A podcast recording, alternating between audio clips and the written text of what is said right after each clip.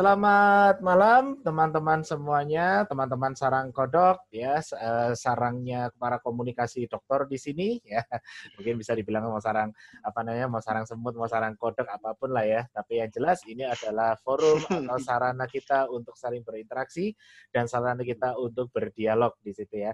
Sarang kodok, sarasehan orang-orang komunikasi dokter ya. Pada hari ini kita sudah masuk di episode yang uh, ketiga ya ketiga bersama ini di sebelah kalau saya ini di sebelah kiri saya itu ya itu ada pembicaranya Mas Handiko. Waduh Handiko Rahmat. Okay, ya. Handiko Global Center. Halo Mas, apa kabar Mas? Ya, halo Mas Goram. Ini Mas, ini Mas Dekan ini. kalau sudah di sarang kodok dekannya hilang. dia kan hilang. Uh, Oke okay, mas, nah ini uh, mas ini sudah saya undang yang keberapa ini ya berarti ya untuk untuk jadi pembicara um, nih ya? Berapa ya berapa kali ya? ya ada beberapa kali ini. sudah yang kedua ini ya berarti ya? kedua ya, kedua berarti ya kedua ya. Hmm, ya.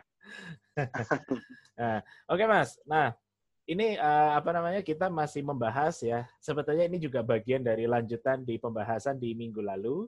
Nanti untuk yeah. pembahasan berikutnya uh, tadi kita sudah sempat berdiskusi sedikit ya. Mungkin nanti kita minggu depan akan membahas tentang problematika status uh, ilmu pengetahuan gitu ya. Jadi seperti nah. apa apakah ilmu akuntansi manajemen keuangan itu bagian dari ilmu sosial atau ilmu alam atau bagian yeah. ilmunya sendiri. Terus kemudian Uh, yeah. Apakah uh, seperti bidang IT atau bidang apa namanya statistik, apakah itu masuk dalam yeah. sosial atau ilmu yang ilmu alam gitu kan ya? Nah nanti yeah. kita akan menjadi pembahasan kita yang berikutnya. Nah, oke okay, guys, teman-teman semuanya, ya uh, kita hari ini uh, membahas tentang masalah inflasi dan uh, apa namanya defisit gitu ya. Defisit. Ya. Defisit yeah. dan inflasi Indonesia. Yeah itu di masa Betul. pandemi COVID-19. Nah, sebetulnya begini Mas Diko, ya ini ada suatu hal yang saya itu sebetulnya menjadi interest gitu ya.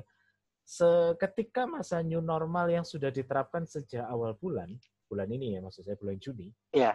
itu saya melihat uh, sepertinya uh, apa yang pernah dikatakan Mas Diko pada episode yang kedua, bahwa ya tidak akan mudah memulihkan uh, perekonomian Indonesia gitu ya di masa new iya. normal yeah. walaupun mall itu dibuka walaupun apa namanya uh, tempat per, apa tempat perbelanjaan atau trading center itu dibuka yeah. tapi ternyata uh, tidak sesuai dengan harapan gitu ya apa betul, yang diharapkan betul. pemerintah bahwa ketika nanti di masa new normal kita membuka pusat perbelanjaan kan itu di pertengahan bulan ini ya kalau nggak salah ya membuka yeah. pusat perbelanjaan itu Ya. Dan hmm. apa namanya di sektor industri itu sudah mulai bisa beroperasional walaupun adanya pembatasan jumlah uh, pekerja di dalamnya. Pekerja. Tapi ya. ternyata di sektor industri seperti di mall, kemudian seperti di pusat perbelanjaan atau trade center gitu ya, itu ya. ternyata saya melihat ini sepertinya sudah nggak sesuai dengan harapan.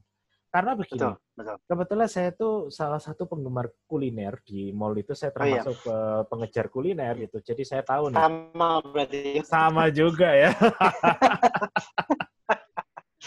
pasti, ah, pasti kok sebagai yeah, iya. penggemar kuliner, saya sebagai penggemar kuliner, pasti kita tahu dong. Kalau di mall ini atau mall dekat yeah. rumah kita, yang rame itu pasti restonya A, B, C, D, E. Itu kita pasti tahu.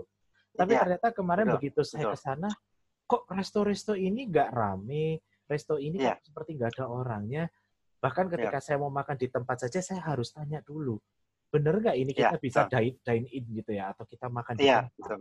Betul. Nah, dan itu saya lihat mall-mall ini ternyata masih sepi gitu masih lesu ya, betul. gitu dan itu banyak dikeluhkan betul, betul. oleh uh, apa namanya dari Asosiasi Pengusaha Indonesia bahwa misalnya ya. normal ini ternyata belum bisa kembali gitu dan ini ini ini bagaimana betul. ini kita bicara betul. sektor industri ya. ini di masa ya, betul, saat betul, ini itu kira-kira problemnya itu ya. seperti apa ya Mas Andiko ya?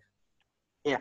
Uh, ya kebetulan saya juga dari uh, pagi sampai siang ini uh, survei ke berapa uh, tiga mall ya di ya. Jakarta ya. cukup mall besar Jakarta yeah. Barat sama um, di Casablanca uh, betul memang sepi. Yeah. Jadi uh, untuk hari Sabtu termasuk sepi. Yeah. Uh, bisa juga uh, saya yakin sih masyarakat uh, mungkin setengahnya masih takut ya untuk ke mall gitu ya, yeah. untuk menghindari karena kan memang ada himbauan juga dari uh, pemerintah uh, kalau tidak terlalu penting untuk tidak ke mall juga. Mm. Nah, uh, si pengusaha, saya yakin pengusaha-pengusaha mall juga uh, tadinya berharap begitu mall dibuka akan ada sedikit uh, lonjakan gitu, ternyata tidak juga.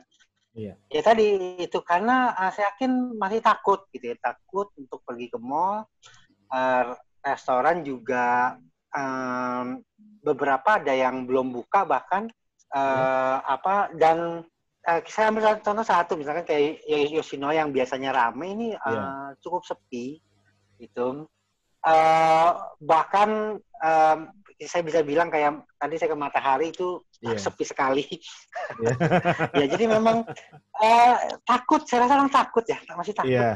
masyarakat Indonesia masih takut uh, untuk ke mall dan dia masih menahan duitnya hmm. untuk berbelanja uh, dia masih uh, berbeda sih yeah. sebenarnya ini berbeda dengan uh, eh, yeah. tempat hiburan uh, hiburan yang lain kayak yeah. yang uh, beberapa uh, misalkan di berita tuh ada katanya puncak rame nah itu itu berbeda tapi kalau mall ini kayak masih takut karena kan mall ini kan orang berkumpul dalam satu gedung bersamaan hmm. nah ini yang mereka hindari gitu kan yeah. Iya. uh, jadi saya uh, masih takut sekali takut sekali itu uh, apa um, mereka untuk datang ke mall. Uh, parkiran pun sepi. Oh. Saya ke Setiabudiwan itu parkiran sepi. Sepi ya. Itu uh, betul. Jadi kantor juga mereka mungkin masih hmm. menerapkan apa tiga hari kerja di rumah, tiga hari hmm. kerja di kantor gitu kan. Hmm. Nah ini uh, ngangkatnya saya yakin sulit sekali gitu, terutama yeah. uh, pebisnis uh, restoran ya, yeah. sangat sulit sekali, sangat sulit sekali. Uh, mereka masih mengandalkan mungkin masih mengandalkan online hmm. uh, untuk membantu uh, penjualan dibandingkan dine in yang yeah. uh, ternyata mereka ngebuka uh, boleh dine in di tempat pun tidak hmm. terlalu ramai juga. Jadi sangat-sangat sulit sih memang nih uh, apa namanya um, corona ini tidak seperti membalikan telapak tangan gitu ya, tidak seperti dugaan orang oh nanti langsung ramai dong, ternyata hmm. tidak.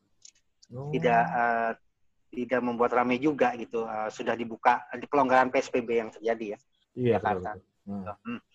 Dan nah, itu nah mungkin uh, gimana? Itu tuh kayak ini ya, kayak ada perubahan habit ya, kebiasaan gitu ya sepertinya. Iya, betul. But, um, jadi uh, sangat berubah sih. Nah, kalau itu saya hmm. setuju ya perubahan habit ya. Jadi uh, benar-benar uh, orang uh, untuk makan mungkin kali ini dia harus berpikir berkali-kali untuk datang ke tempat. Uh, dengan dia lebih mungkin lebih pilih online. Hmm. Karena kan yang jadi masalah kan gini kan vaksinnya belum ditemukan sampai sekarang. Iya. Kan ini kan jadi masalah sebenarnya orang masalah. takut sekali gitu kan. Iya. Ya, ah itu uh, ini ini kita nggak ngomong pasar tradisional yang masih ramai gitu ya. Untuk iya. pasar modern masih sepi. Bahkan Carrefour pun sendi sendiri sepi sekali. Aduh. Sepi. Iya, ah, betul betul. Uh, yang kata juga ini apakah ada hubungan dengan uh, pengangguran yang meningkat gitu ya yang katanya meningkat yeah. yang ke 10 juta akan menuju ke 10 juta datanya yeah. udah 7 juta bahkan menuju 10 yeah. juta mm-hmm. uh, jadi orang daya belinya makin berkurang itu bisa yeah. juga seperti itu mm-hmm. bahkan yang uh, Menteri PUPR uh, tadi di berita juga bilang uh, penggunaan alat-alat berat atau otomatisasi dikurangkan uh, diganti dengan manusia lagi maksudnya oh. apa biar kita yeah. menggaji uh, karyawan atau buruh, karyawan, buruh pegawai, hmm. Uh, jadinya daya beli bisa sedikit terdongkrak. Harapannya seperti itu, tapi belum tahu nih apakah itu yeah. berpengaruh atau tidak gitu ya. Yeah. Gitu. Um, jadi ya, masih sulit ya untuk untuk mall untuk um, kan uh, mall, yang saya lihat laporan keuangannya dari grupnya Pak Kuon ya, salah satu yeah. pengelola uh, kota Kasablanka. Yeah uh, data yang saya dapat di sini um, dia tahun kemarin di bulan yang sama dia mendapatkan laba sih 700 miliar ya. Oh. Sekitar 200 miliar. Di, tahun ini cuma 70 miliar. Oh. Jadi 700 ke 70. Wah, ini bisa, bisa dibayangkan itu itu uh, apa turunnya beratus-ratus persen gitu kan berarti cuma hmm. berapa cuma lima persen aja gitu dari dari yeah. tahun kemarin kan jauh sekali Uh, gitu. Jadi memang uh, ya inilah benar yang dibilang Ibu sebenarnya kita masuk ke masa resesi ya mungkin ini yang terjadi seperti itu. jadi itu uh, kerugiannya banyak besar juga ya memang. Tapi ya, uh, berarti besar, besar, besar ya. Hmm. Ini berarti ada ada juga mengalami masalah defisit juga ya terkait. Iya, betul. Hmm. Betul. Uh, kayak misalkan ini pebisnis mobil uh, terjun bebas ya, angka penjualannya turun 90 persen. Drastis. 90 persen. Uh, motor itu turun uh, ke 70 persen. 70 persen, iya. Uh, itu jadi uh, penjual yang bekas pun ya bingung juga ngejualnya bagaimana bagaimana nih sedangkan si uh, yang baru ini kan dia akan memberi diskon banyak kan biar hmm. stoknya terjual gitu kan. Yeah. Jadi otomatis memang otomotif ya memang hancur-hancuran ya uh, di hmm. Indonesia. Uh, bahkan kan yang terakhir uh, Nissan sempat uh, tutup pabriknya ya di yeah. sini Betul. di Indonesia. Nah, yeah. ini ya mungkin kalau untuk yang di bawah naungan Astra masih bisa bertahan ya karena ada Astra gitu ya. Hmm. Yang lain juga ah, sulit ya jualan sulit ya orang uh, mungkin ya kalau yang punya mobil ya udah pakai mobil yang lama dulu aja lah gitu sampai si corona ini lewat gitu ya atau mungkin tahun yeah. depan gitu. Uh. Jadi kan juga terjadi dengan di properti hmm. KPR bahkan sempat berhenti gitu ya um, belum bisa. Uh, saya sempat uh, sorry balik lagi ke otomotif saya sempat tanya uh, untuk kalau misalkan saya mau ngambil mobil secara kredit sempat berhenti juga itu di uh, tiga minggu yang lalu. Uh, berarti kan sekitar uh, awal-awal Juni sempat berhenti katanya apa uh, belum bisa dulu nih. Iya. Uh, Lisi masih tunggu kabar. Nggak tahu sekarang mungkin uh, sudah bisa atau belum. Tapi sih intinya tetap uh, sulit ya untuk jualan ini sangat-sangat uh, sulit. Kecuali sembako ya. Sembako mungkin uh, saya lihat uh, penjualan untuk uh, uh, ayam potong sama telur itu mulai kenaikan berarti yeah. permintaannya tinggi. Uh, oh. Tapi untuk barang-barang yang tersier atau yeah. sekunder ya sulit. Hmm. Ya, hmm, hmm. Berarti masih uh, uh. ya sulit. Oh, jadi yeah. jadi gini Mas, itu sebetulnya kan begini. Salah satu yang menjadi problem ketika masa pandemi ini kan uh, misalkan katakanlah seperti di perusahaan gitu yang apa namanya tentunya punya masalah hutang piutang yang cukup tinggi gitu kan dengan ya. hmm, hmm. pihak kedua atau dengan pihak ketiga. Nah, ya. sementara mereka pun juga punya semacam liabilitas yang itu pun uh, apa namanya beberapa yang mengatakan bahwa ini persoalan liabilitas ini adalah juga tersendat gitu hmm. kan. Karena ya, betul. masalah pertama terkait dengan supply and demand gitu ya, dengan penyediaan ya. barang dan permintaan itu hmm. itu sudah ya. mulai tidak stabil gitu nilai produktivitas ya. itu juga menurun. Ya jumlah produksi ya, juga akhirnya seperti terjun drastis. Sementara di satu ya. sisi mereka pun juga punya uh, liabilitas yang harus diselesaikan kan gitu kan. Iya, nah, betul, betul. Ini Uh, sebetulnya problem yang seperti ini apakah perusahaan ketika memiliki masalah hutang piutang itu tentu apakah dia akan dia tentu uh, lebih mudah berpikir jangka panjang tapi tidak dia tidak seperti tidak berpikir bahwa bagaimana apabila ada resiko di tengah-tengah itu seperti yeah. kita uh, kita pahami di dalam pembelajaran mengenai apa namanya krisis PR gitu ya tentang di dalam krisis yeah. PR itu aduh ini ini Mas Diko ini kan dulu lulusan MM Kom Trisakti nih ya pasti pasti paham nih tentang iya, krisis yeah, krisis yeah. PR ini kan yeah salah satu Mas Gora ini.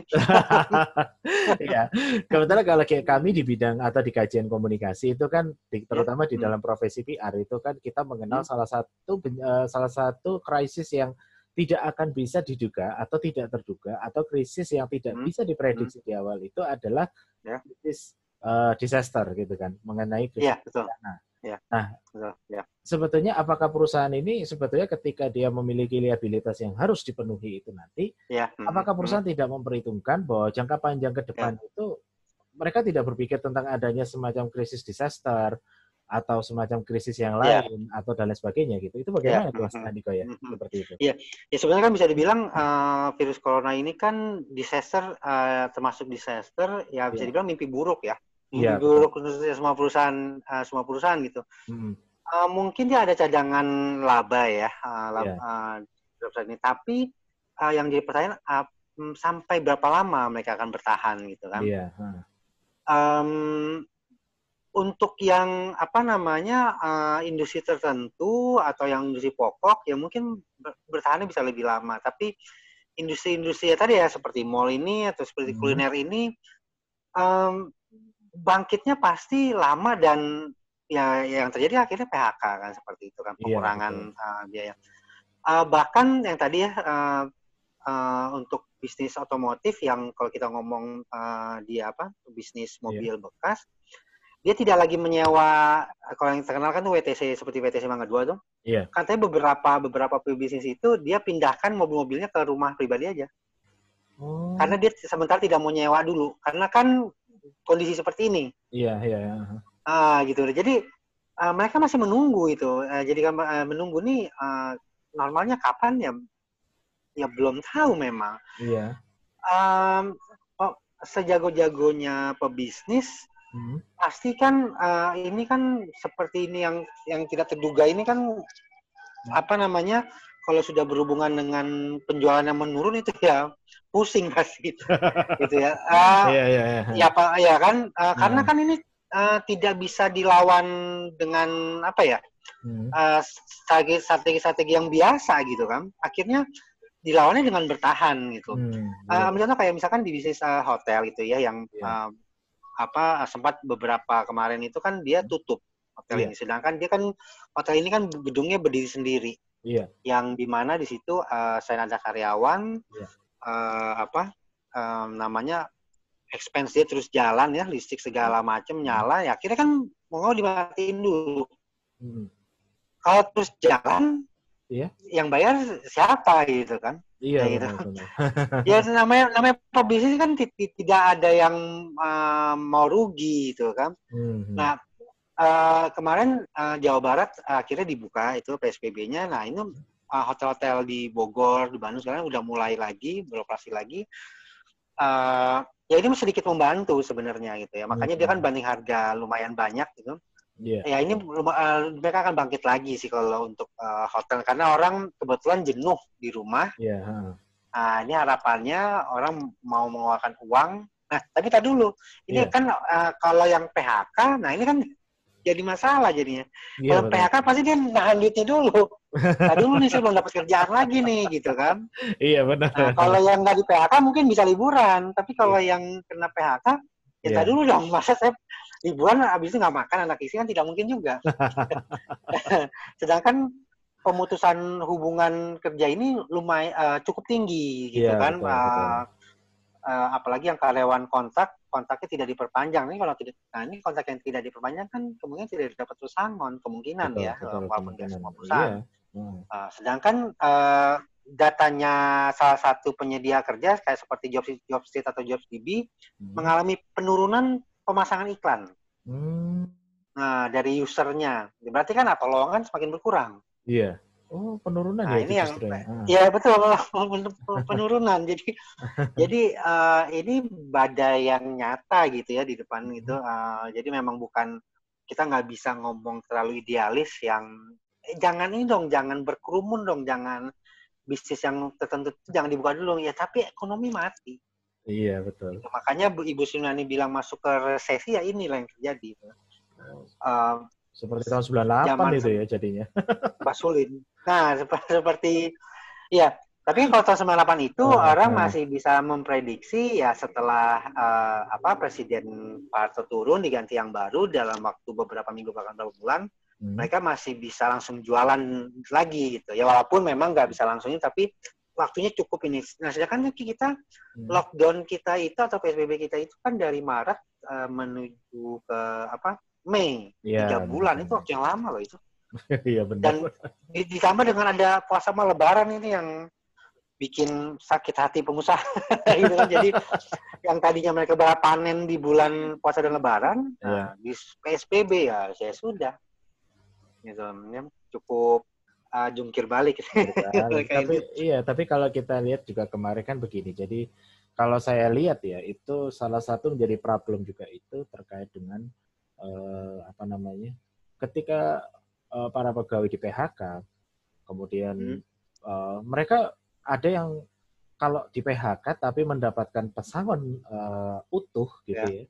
ya Seperti yang saya kemarin baca berita di apa namanya di media online itu Ya. seperti Gojek itu kan kalau nggak salah dia sempat mem- dia mem-PHK sekitar empat 430 ya kalau eh 143 yeah. atau 430 karyawan yeah. gitu ya. Kita 400 karyawan ya. 400 hmm. karyawan dan itu semua di apa namanya di PHK dan dipesangonkan penuh gitu yeah. kan. Nah, penuh yeah. gitu. Nah, mungkin kalau seperti itu sih mungkin nggak ada masalah ya dengan apa namanya dengan yeah. uh, masa apa perusahaan itu ketika eh bukan yeah. ada hmm, masalah hmm. dengan pegawai yang mereka bisa menerima pesangon dengan pesangon yang sesuai betul. atau dengan standarisasi. Uh, yeah, Tapi betul. problem yang terjadi seperti di beberapa produk uh, dagang untuk pakaian gitu ya, tapi saya nggak bisa sebut merek ya. itu yeah. mm -hmm. dia sudah di PHK kemudian dipotong dipotong pula gitu kan, dipotong pula di PHK pesangon nggak dapat apalagi ketika pas bertepatan dengan yang namanya uh, Lebaran itu sudah ya, harus memberikan tunjangan hari raya, ketambahan ya. lagi ya. itu dipotong juga. Jadi ada gaji kemudian hari ya. raya dipotong, bahkan ada yang sudah hari raya nggak dapat, kemudian gaji dipotong pula gitu dengan ya. dengan ya. alasan yang tadi dikatakan oleh Mas Andika tadi terkait dengan masalah ya. resesi. Kalau di sini saya melihat ini persoalan ekuitas ini kan cukup cukup apa ya ego ya. Kalau saya kalau saya melihat dari yeah. Hmm, yeah. Hmm. sosial itu yeah. terkait hmm. dengan tuntutan pemilik terhadap aktiva perusahaan ini kan cukup ego gitu ya. Artinya yeah. bahwa uh, pemilik ini mengupayakan adanya uh, semacam uh, apa ya mempertahankan aset supaya uh, apa ya uh, bisa dikatakan supaya aset itu berjalan uh, bisa berjalan gitu kan atau ya. bisa dikatakan hmm. bahwa diharapkan hmm. aset itu tetap berjalan lancar gitu ya. Ya, dan betul, dan betul, tidak dan apa namanya berupaya untuk uh, jangan sampai aset itu tidak lancar, tidak ada peningkatan aset yang tidak ya. lancar ya. gitu. Tapi dia hmm, mengupayakan hmm, adanya penambahan jumlah aset dan aset itu diharapkan bisa mengalami uh, apa namanya mengalami berlebihan apa uh, mengalami peningkatan peningkatan kan gitu kan. Ya. Hmm, yang hmm, nanti mereka tentu akan menghitungnya melalui akumul, akumulasi depresiasi. Atau itu istilah itu benar nggak, Mas? Iya, ya. kan begini, begini. Ya, ya, ya. Sebenarnya okay. kan um, ya intinya kan mereka itu uh, dengan alasan corona ini lagi ya. masa pandemi corona ini mereka um, untuk bertahan alasannya si owner ya. ini ya tapi kan di satu sisi untuk karyawan itu satu yang tidak adil. Gitu. Iya. Um, nah di sini menurut saya ya benar tadi ya uh, di sini ego dari pengusaha tadi. Um, kalau untuk masalah uh, eh, PHK atau masalah um, apa pengurangan iya. karyawan, yeah. mm-hmm. ini menurut saya ini sesuatu mestinya bisa di ini uh, apa di uh, direncanakan. Saya nggak oh, bilang nggak bisa nggak bisa bilang dihindari, tapi bisa direncanakan gitu ya. Um, kecuali memang perusahaannya uh, ya memang kolaps atau bangkrut gitu. Hmm. Tapi kalau perusahaannya belum bangkrut, uh, mestinya pengusahanya bisa lebih bijaksana ya menurut saya ya. Yeah, Jadi nggak uh, uh. dia udah THR tidak dapat, kayak apa gaji dipotong. Nah, hmm. ini kan berbeda dengan uh, pekerja harian misalkan yang memang yeah. uh, ada resikonya di situ ya. Salah satu resiko seperti ini. Tapi kalau dia uh, sudah karyawan tetap yang tentu berharap oh nanti ini uh, saya lebaran mau beli ini, mau beli itu buat anak atau uh, keluarga, tiba-tiba di Maret ada corona, berhenti begitu saja. Nah ini kan uh, ya ini suatu yang benar tadi ya. ya seperti saya bilang gitu ada yeah. ada beberapa teman yang dia bekerja tiba-tiba perusahaannya tutup begitu aja dengan uh, memang tidak di PHK ini lebih parah lagi dia yeah. di PHK tapi tidak mendapatkan gaji. Hmm, iya, nah ini gimana Lebaran gitu kan jadi. Iya, lebaran nah, gitu kan. nah, makanya kan ini kan menurut saya kurang adil ya seperti itu ya. yeah. um, apa namanya hmm, memang pesangon ini saya harus akuin ya kalau kita menghitung pesangon itu memang beban yang uh, luar biasa berat untuk, untuk pengusaha itu. Yeah. Nah, tapi kan tidak bisa juga uh, pengusaha main cut saja um, apa uh, apalagi dia kayak dengan, ya tidak mau prosedur apalagi dia dengan alasan nah Anda kan pegawai kontrak. Nah, ini kan Uh, menurut saya tidak uh, tidak adil aja sih seperti itu yeah. ya. Uh, uh, apa walaupun memang itu menjadi resiko si karyawan gitu. Mem kecuali memang karyawan ini, oh kontraknya pas banget nih habisnya di April atau di Maret ya itu memang mau nggak mau ya itu resiko itu seperti itu. Hmm. Tapi kalau dia masih ada kontrak yang masih berjalan satu bulan dua bulan lagi kalau di cut ya ini kan menyalahi aturan sih menurut saya. Yeah. Iya, uh, dan uh, ini juga menurut saya bisa jadi permainan juga dalam arti misalkan dia uh, kontraknya habis misalkan di April yang sebentar lagi Lebaran. Nah, dengan alasan corona uh, kontraknya diperpanjang ya. Nah, ini terjadi soalnya. Tapi THR juga tidak dapat. Nah, ini kan nggak adil. Iya, nah, benar, benar. Mestinya, mestinya kan bisa saja THR itu dihitung pro rata dalam arti hmm. uh, semasa dia terakhir kerja aja gitu dapatnya berapa persen ya itu masih mending lah ya kalau bisa mah full apalagi dia sudah jadi perusahaan itu bertahun-tahun misalkan gitu kan. Uh, ya, jadinya terkadang mungkin alasan pengusaha saja gitu. Bisa bisa loh seperti itu. Jadi ah mumpung ah mumpung mumpung sih maksudnya. Kemudian lagi corona juga penjualan juga berturun ya sudah. Ini jadi kesempatan juga untuk uh, menunda THR misalkan atau yeah. memutus hubungan kerja karyawan yang uh, kontrak itu bisa ya seperti itu.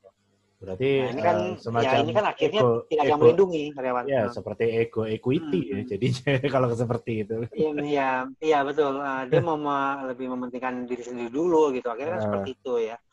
Um, ya memang ini tidak tidak bisa terjadi di perusahaan-perusahaan yang ada serikat pekerjanya yang kuat gitu itu pasti langsung di demo sama perusahaan pekerja tapi kalau kita ngomong uh, pabrik-pabrik yang masuk level menengah sedikit ke bawah gitu ya hmm. ini sering terjadi seperti itu ya oh. bahkan mereka mereka masih berani kok menggaji karyawan yang uh, belum sampai UMR di daerahnya gitu masih berani mereka seperti itu tapi itu nah, saya, saya beberapa daerah, itu, itu ya? ada seperti itu hmm. iya hmm. betul nah ini kan kasihan ya karyawannya Nah, hal-hal seperti ini yang akhirnya mem, kita uh, daya belinya makin turun.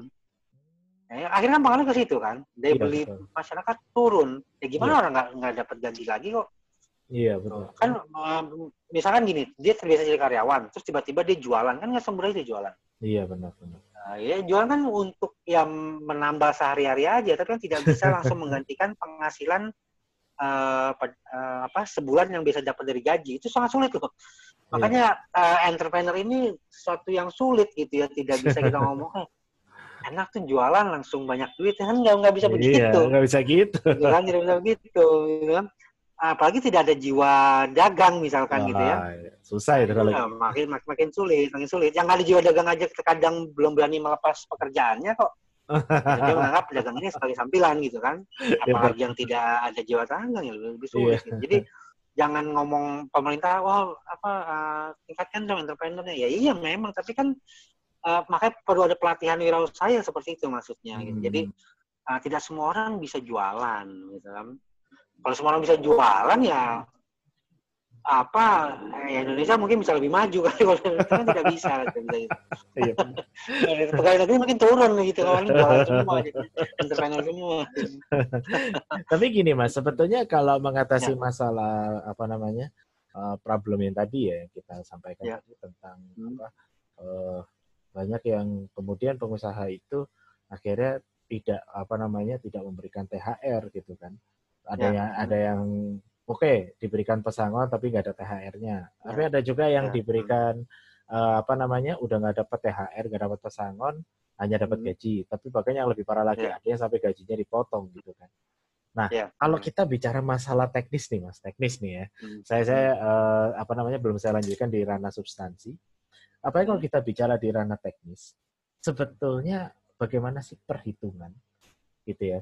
Perhitungan pendapatan ini. Ini hanya orang akuntansi yang paham. Yeah. Ya. Saya nggak ngerti ini. Yeah.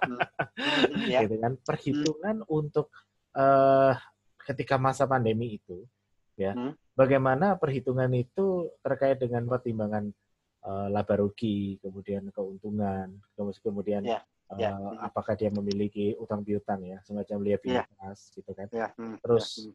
bagaimana dia harus memeta, mem, apa namanya uh, memisahkan gitu kan pembiayaan bagaimana uh, perhitungan itu apakah nanti, apakah memang masih bisa dibayarkan semuanya ataukah ya. uh, adakah semacam harus harus dikorbankan nih gitu kan apakah oh, gitu. dikorbankan si karyawan tadi gitu THR-nya ya kan THR, kan ya. misalnya gini karyawan memang harus terpaksa harus di PHK ya karena tidak karena uh, nilai produktivitasnya menurun atau nilai jualnya juga semakin ya. menurun karena kan ya. COVID Nah, hmm. apakah perhitungan bagaimana kita melihat teknis perhitungan ini gitu ya? Hmm. Itu hmm. Uh, terkait dengan gaji karyawan, kemudian THR yeah. dan juga apa uh, yeah. gaji THR dan itu kalau memang dia di PK di PHK hmm. ya harus diberikan pesangon gitu kan. Nah, ini kalau ya, bagaimana kita bicara dalam konteks teknis perhitungannya ini kalau dari mata ya, auditor ya. ini seperti apa kira-kira?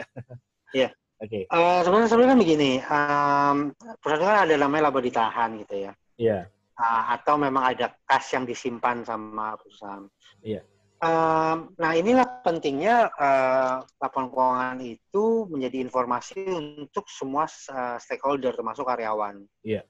Untuk di perusahaan besar ya, apalagi yang TBK udah go public, itu biasanya serikat uh, serikat pekerjanya dia uh, dia uh, aktif gitu ya menanyakan posisi laporan keuangannya. Nah, jadi uh, jangankan masalah THR, masalah oh tahun ini nih kita bonusnya uh, eh nggak dapat bonus dulu nih. Nah, saya pekerja langsung lihat laporan keuangan itu. Loh, kok bisa nggak dapat bonus? Kenapa nih? Gitu. Nah, dia membaca sendiri dan dia kalau menurut mereka uh, menurut serikat pekerjaannya bisa oh mesti bisa uh, hari ini uh, tahun ini bisa dapat bonus mestinya. Mm-hmm. Makanya mereka demo biasanya. Mm-hmm.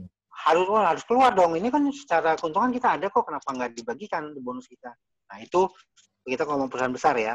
Nah kalau untuk perusahaan yang baik lagi tadi menengah ke bawah, terkadang kan si pekerja juga tidak tahu menahu nih eh, kondisi perusahaan sebenarnya bagaimana sih.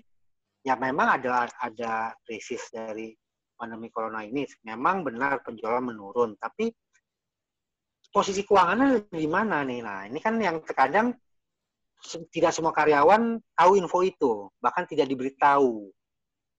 Nah, uh, dan karena uh, kadang tidak tahu ya akhirnya begitu jadi PHK ya terima-terima saja akhirnya kan. Seperti itu kan tadi Mas Gur bilang apakah harus dikorbankan?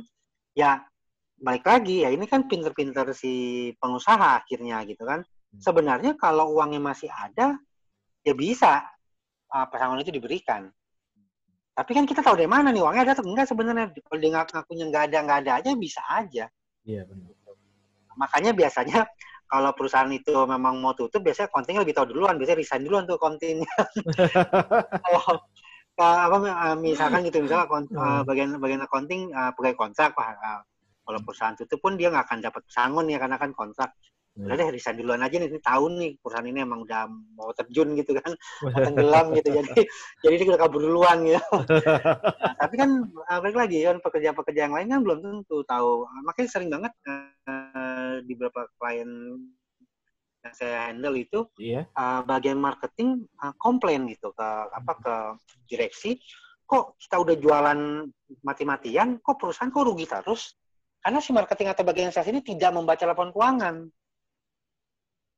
gitu loh Mas Gora. Ya. Oh. Jadi um, jadi dia cuma ngerasa, wih kita uh, salesnya naik nih naik, perhitungan dia naik gitu kan. Ternyata di laporan keuangan sales naik belum tentu perusahaan untung, bisa aja. Oh, iya. Bebannya ternyata tinggi, ya kan? Iya, iya betul. Gitu kan? M mungkin mungkin begini, misalkan begini, misalkan ya. Misalkan uh, tahun kemarin dengan sales 5 miliar kita untung, kok sekarang sales 7 miliar rugi? Kenapa nih? Nah, eh, si marketing berpikir atau sales dan marketing berpikir kan naik, mestinya iya. naik yeah. dong penjualan. Yeah, Tapi kan betul. mungkin si manajemen atau si direksi nambah karyawan misalkan, atau hmm. beli mesin misalkan. Iya. Yeah. Itu atau mungkin dia nyawa kantor baru gitu ya. Nah, hmm. itu kan bebannya bertambah. Yeah. Nah, ini kan saya sebenarnya nggak tahu nih. Hmm, hmm. Pas dihitung laporan keuangan minus bisa saja. Nah, gitu. Jadi uh, apa namanya?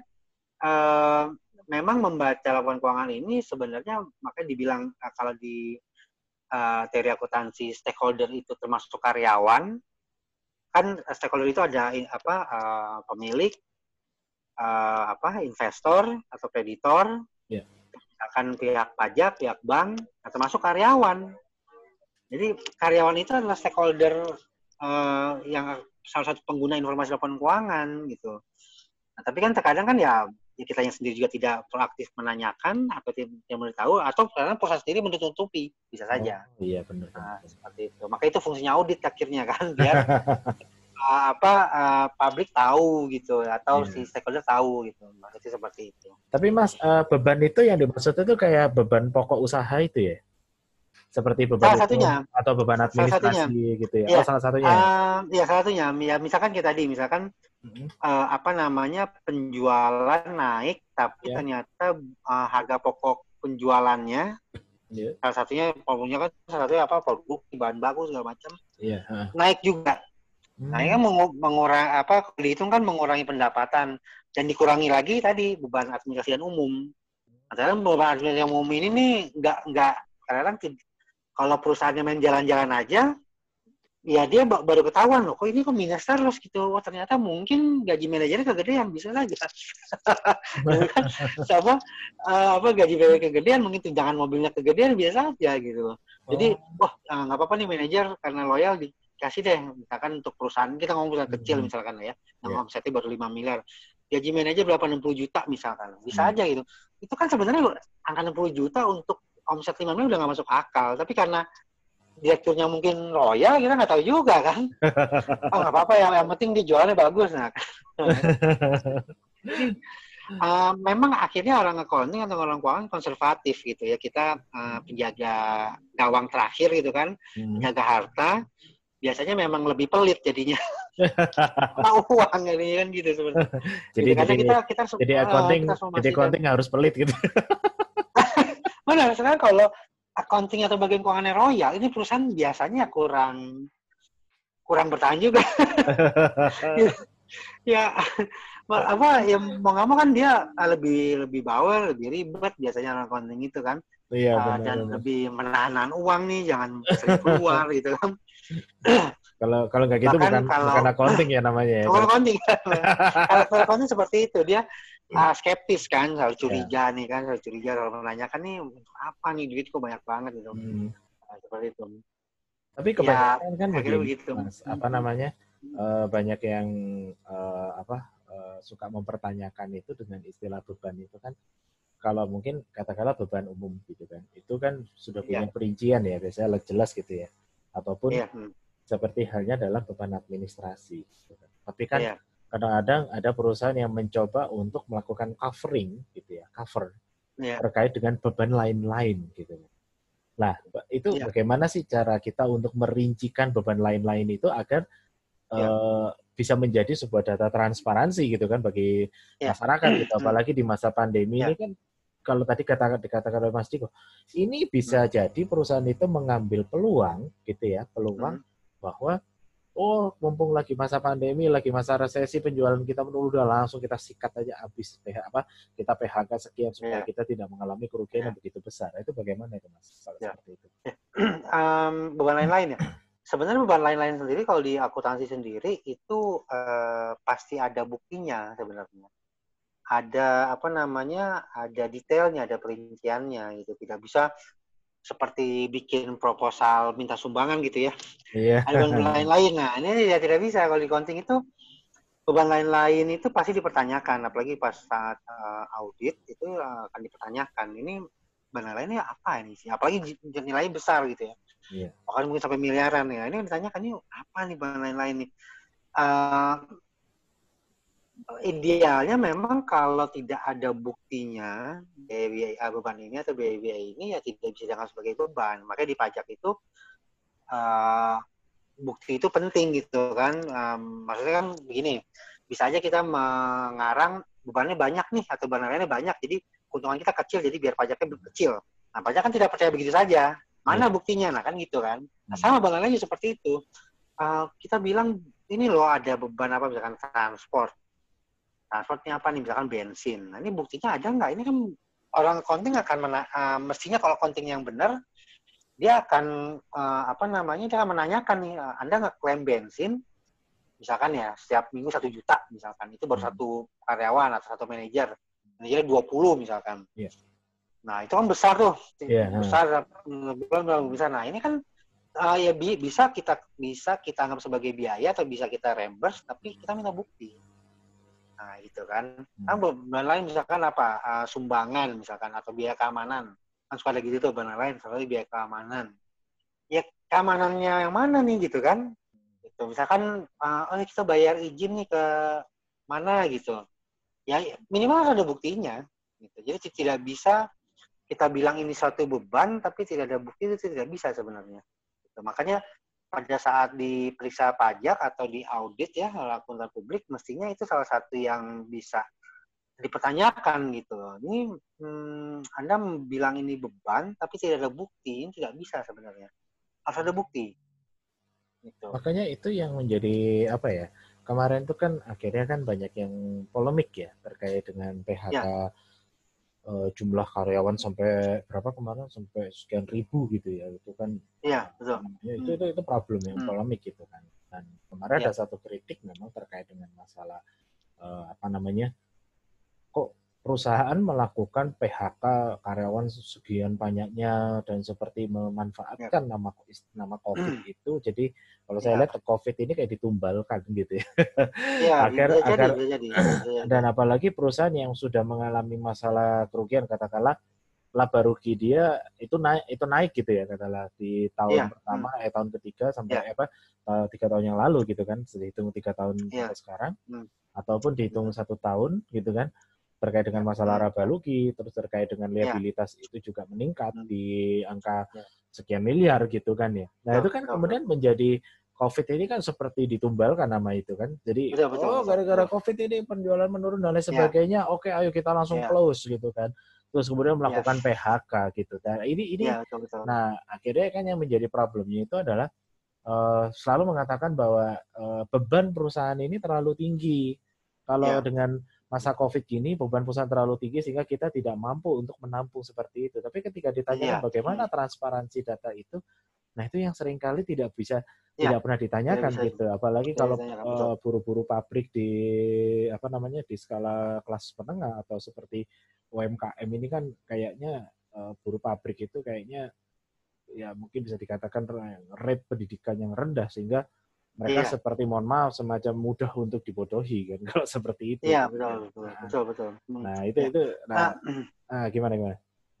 Iya jadi memang ya tadi ya apa uh, informasi keuangan yang uh, ternyata tidak transparan dari uh, perusahaan. Iya. Ya memang kalau uh, apa namanya ya minimal kan perusahaan itu ya mau nggak mau kan memang resiko dia harus menyiapkan pesangon ya. Kalau sampai pesangon ini tidak ada, uh, ya memang perlu dipertanyakan gitu ya. Uh, tapi gini, ada ada juga sih beberapa klien kami itu ya, ya dia sampai minjem ke bank untuk bayar pesangon. Oh. Gitu. Karena memang kan sebenarnya ada undang-undangnya kan di undang-undang ketenagakerjaan gitu kan tidak boleh juga dia tidak memberikan pesangon.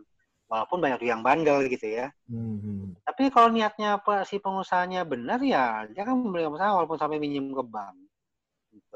Jadi uh, ya mungkin dia juga nggak tahu juga kalau di demo terus atau di terus ya sudah bisa juga gitu kan. Iya iya. Hmm. Kan nah, balik lagi tapi bagaimana karyawan yang ya di, tidak mau demo juga tidak berani demo juga tapi ya di cut begitu saja gitu. Nah hmm. memang uh, hal ini yang terjadi dengan perusahaan uh, dengan pegawai yang statusnya kontrak biasanya. Yeah. Nah ini yang memang kontrak ini secara hukum memang lemah juga dia tidak bisa banyak menuntut gitu ya. Hmm. Nah akhirnya tadi si pengusaha tadi menjalankan strategi ya udah kita putus kontrak aja.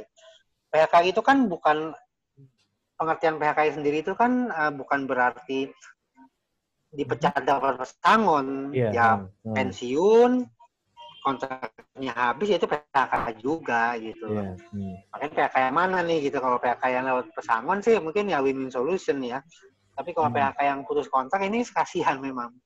gitu, ya, ini jadi kayak tadi ya, jadi di uh, kalau ini jadi kayak tumbal gitu aja. Oh ini kita lagi PHK uh, atau malah begini yang kasihan juga tuh seperti pemotongan gaji gitu ya yang banyak terjadi ini di beberapa uh, perusahaan di Indonesia. Yeah. di corona dia cuma mendapat gaji bahkan cuma 30 persen. Oh ini kan kayak uh, mau resign juga nggak dapat kerjaan lagi tapi yeah, betul. kalau nggak resign kesal sendiri gitu sih karyawan ah, nah, nah ini nah, ini saya jujur saya um, tidak tahu nih di perusahaan ini um, ya saya takut seperti tadi itu akal-akalan dia aja gitu untuk menghemat yeah. bisa aja bisa aja.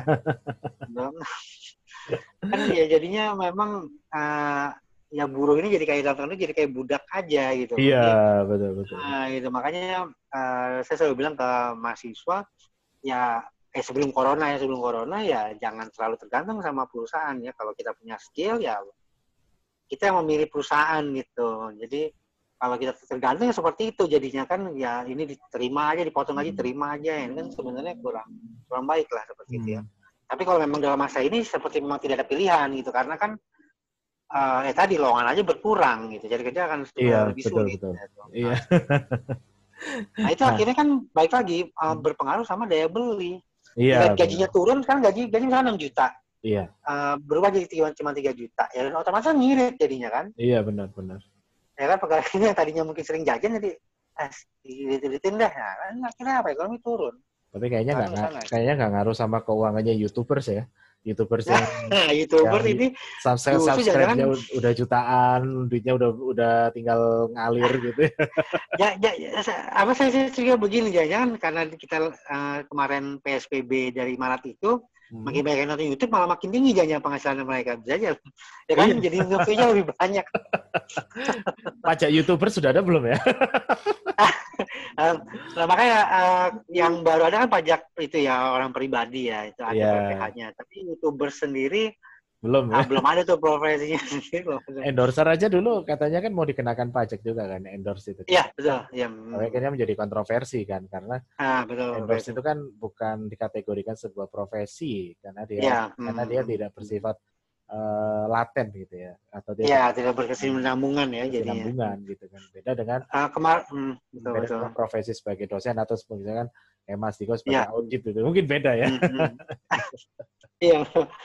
Eh, padahal sih kan penghasilan mereka juga eh, sangat besar ya. Memang Mhm. eh, pajak sih mestinya lebih memperhatikan mereka juga. Jangan yang kecil-kecil aja yang diincar gitu. Eh, Ya seperti itu. Terus gini mas, ini kan eh, Hmm. kalau kita melihat ini dari segi yang lebih makro ya terkait Ya. dengan eh, industri gitu. Eh apa sorry bukan industri, kita bicara di konteks negara. Ini Hmm. Eh, seperti di pemberitaan yang di bulan ini bulan apa Juni ya di, di bulan di bulan Ya. ini gitu ya kalau nggak Hmm. salah sekitar eh, kemarin itu Hmm. Jokowi itu akhirnya men, men-taken gitu ya, taken ter- terkait Iya. dengan peraturan presiden itu revisi kedua APBN 2020 tentang defisit Iya. anggaran Iya. sekitar Iya. 1039 triliun gitu kan. Iya. Karena Hmm. dianggapnya bahwa defisit anggaran itu membengkak itu kan sampai Betul. 1039 triliun gitu kan. Dan Ya. Hmm. kalau itu kan sebenarnya eh, apa namanya eh, revisi itu kan dalam perpres itu kan pendapatan negara itu kan kalau nggak salah kita di, eh, direvisi turunnya 60 60 Ya. eh, 60 93 triliun dari eh, Ya. 1760 gitu kan. Nah, ini Iya, eh, perkiraan, menjadi ya. problemnya ketika defisit ini semakin apa namanya meningkat gitu ya, apalagi di masa Ya. corona. Itu eh, apa namanya? Bagaimana itu terjadi sebuah defisit itu apa karena semacam sirkulasi sebuah perdagangan itu yang macet gitu ya. Yang kedua juga Iya. produktivitas Hmm, orang menurun, Iya. pendapatan orang Iya, juga eh, apa namanya juga menurun pada akhirnya Iya. menjadi problem juga ternyata bagi Sri Mulyani gitu ya sebagai Menteri Keuangan Hmm. itu yang kemudian problemnya adalah bahwa masyarakat ini pada akhirnya yang tidak tidak berpenghasilan dan mereka pun ketika dinyatakan tidak berpenghasilan maka kan mereka juga berhak untuk tidak em, apa namanya tidak menyampaikan pajak atau tidak membayar pajak kan gitu kan. Iya. Kalau orang bekerja kan penya- eh, pembayaran pajak itu kan tentu dilakukan oleh eh, pemotong pemotong pajak itu kan pasti dari perusahaan. Dari perusahaan, perusahaan betul. Nah, pemotong perusahaan yang nomor Ya. NPWP kan dari si eh, Ya. perusahaan yang bersangkutan termasuk nama pemotong. Tapi ketika dia sudah tidak lagi bekerja di situ, maka dia tidak berpenghasilan kan artinya tidak ada unsur pemotongan dan juga tidak Ya. mendapatkan eh, apa namanya tidak apa ya istilahnya tidak bisa mendapatkan eh, penghasilan sehingga tidak bisa mereka dikenakan pajak karena mereka dengan Iya. status Hmm. PHK dan ini kan tentunya Ya. bagi eh, seorang Sri Mulyani ini kan PR yang luar biasa gitu ya Iya. kita tahu Sri Mulyani setiap kali kontak melalui Zoom itu kan selalu mukanya itu nggak pernah happy, nggak pernah berserian, selalu. Nah, pusing pasti, pasti pusing. Apalagi di Iya, betul. Ka- Ya, memang begini sih. Ah, Memang, ya. ah, ah. bagaimana? Eh, memang kan eh, pajak sendiri itu belum bisa jadi penopang utama gitu ya Iya. untuk Mhm. pemasukan Indonesia itu. Mm, Eh, penopang utama kita ya tetap ya mau mau harus kita jujur dari hutang juga gitu kan, Iya, dari hutang luar luar negeri juga dan eh, ada pendapatan juga dari Iya. non eh, apa eh, dan non pajak seperti migas segala macam Iya. ya, ekspor gitu ya. Nah, em, memang kan kenyataannya nih di datanya yang Bu Sulaiman bilang kita kuartal kedua dan ketiga masih minus ekonominya masih minus gitu ya. Iya. Yang diharapkan tadinya tumbuh uh, kalau kita ingat kampanyenya Pak Jokowi tumbuh 6 sampai 7 persen minus. Nah itu aja udah dropnya jauh banget gitu kan. Iya. Itu kayak ya, mem ya memang karena virus corona ini yang terjadi di seluruh dunia gitu ya. Akhirnya Hmm. makanya kan direvisi uh, apa perhitungan APBN-nya. Um, mau nggak mau memang uh, tadinya kan diharapkan dari ekspor gitu ya. Iya. Uh, tapi kan ekspornya sempat berhenti kemarin itu kan. Mm. Uh, impor juga begitu uh, terjun bebas ya di data semuanya dibilang nih turun 40% segala macam. Terus uh, nah ini yang um, memang uh, gimana ya? Uh, ini terjadi sama di seluruh uh, dunia juga. Tapi um, ya kita pasti negara kita Indonesia yang ekonominya belum terlalu kuat ya pasti terdampaknya lebih besar ya pasti. Iya, betul, betul. Ya, akhirnya ya terkadang um, yang mengharapkan dari hutang luar negeri lagi gitu ya. Makanya ini kenapa Hmm. Indonesia kok tidak bisa nggak ngutang ya memang kalau kita tidak menghutang memang um, ekonomi kita mungkin berhenti benar-benar berhenti gitu ya. Ah, Pemerintah tidak ada uang jadinya. Ah, co- contoh kayak gini, contoh um, kayak apa namanya kemarin itu eh, Pak Budi Wasiso itu eh, ribut soal eh, apa impor gula ya bulog ya. Iya. Eh, kita ribut sem- sempat katanya beberapa sembako eh, naik Iya. karena impor sulit. Mm. Jadi memang ini nggak sinkron gitu ya dari presiden kita pengen eh, stop impor, tapi di lapangan kalau barangnya langka harga naik, Iya. iya dong. Iya. Yang bisa Dilema menurunkan ya. harga ya impor mau nggak mau. Dilema ya. susah jadi. memang gitu. Begini loh, begini. ah, Hmm. Jangan lupa Indonesia ini negaranya penduduknya banyak Hmm.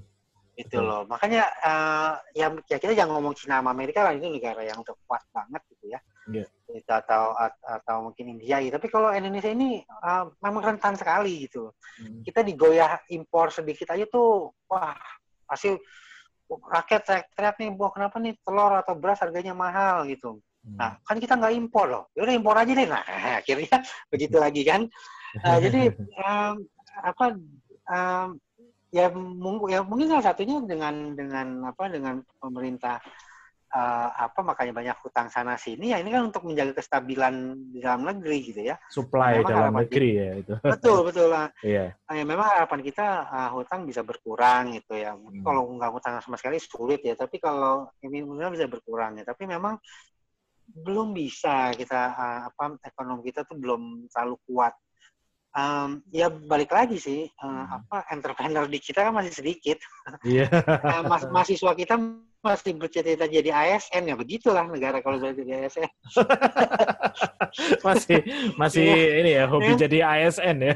iya masih kan ditanya "Mau- apa sih mau jadi pegawai negeri pak ya udah caranya begini-begini aja jadinya gitu kan ya untungnya sekarang ada kalau ditanya kan mau jadi apa youtuber nah itu masih mendingan deh gitu kan.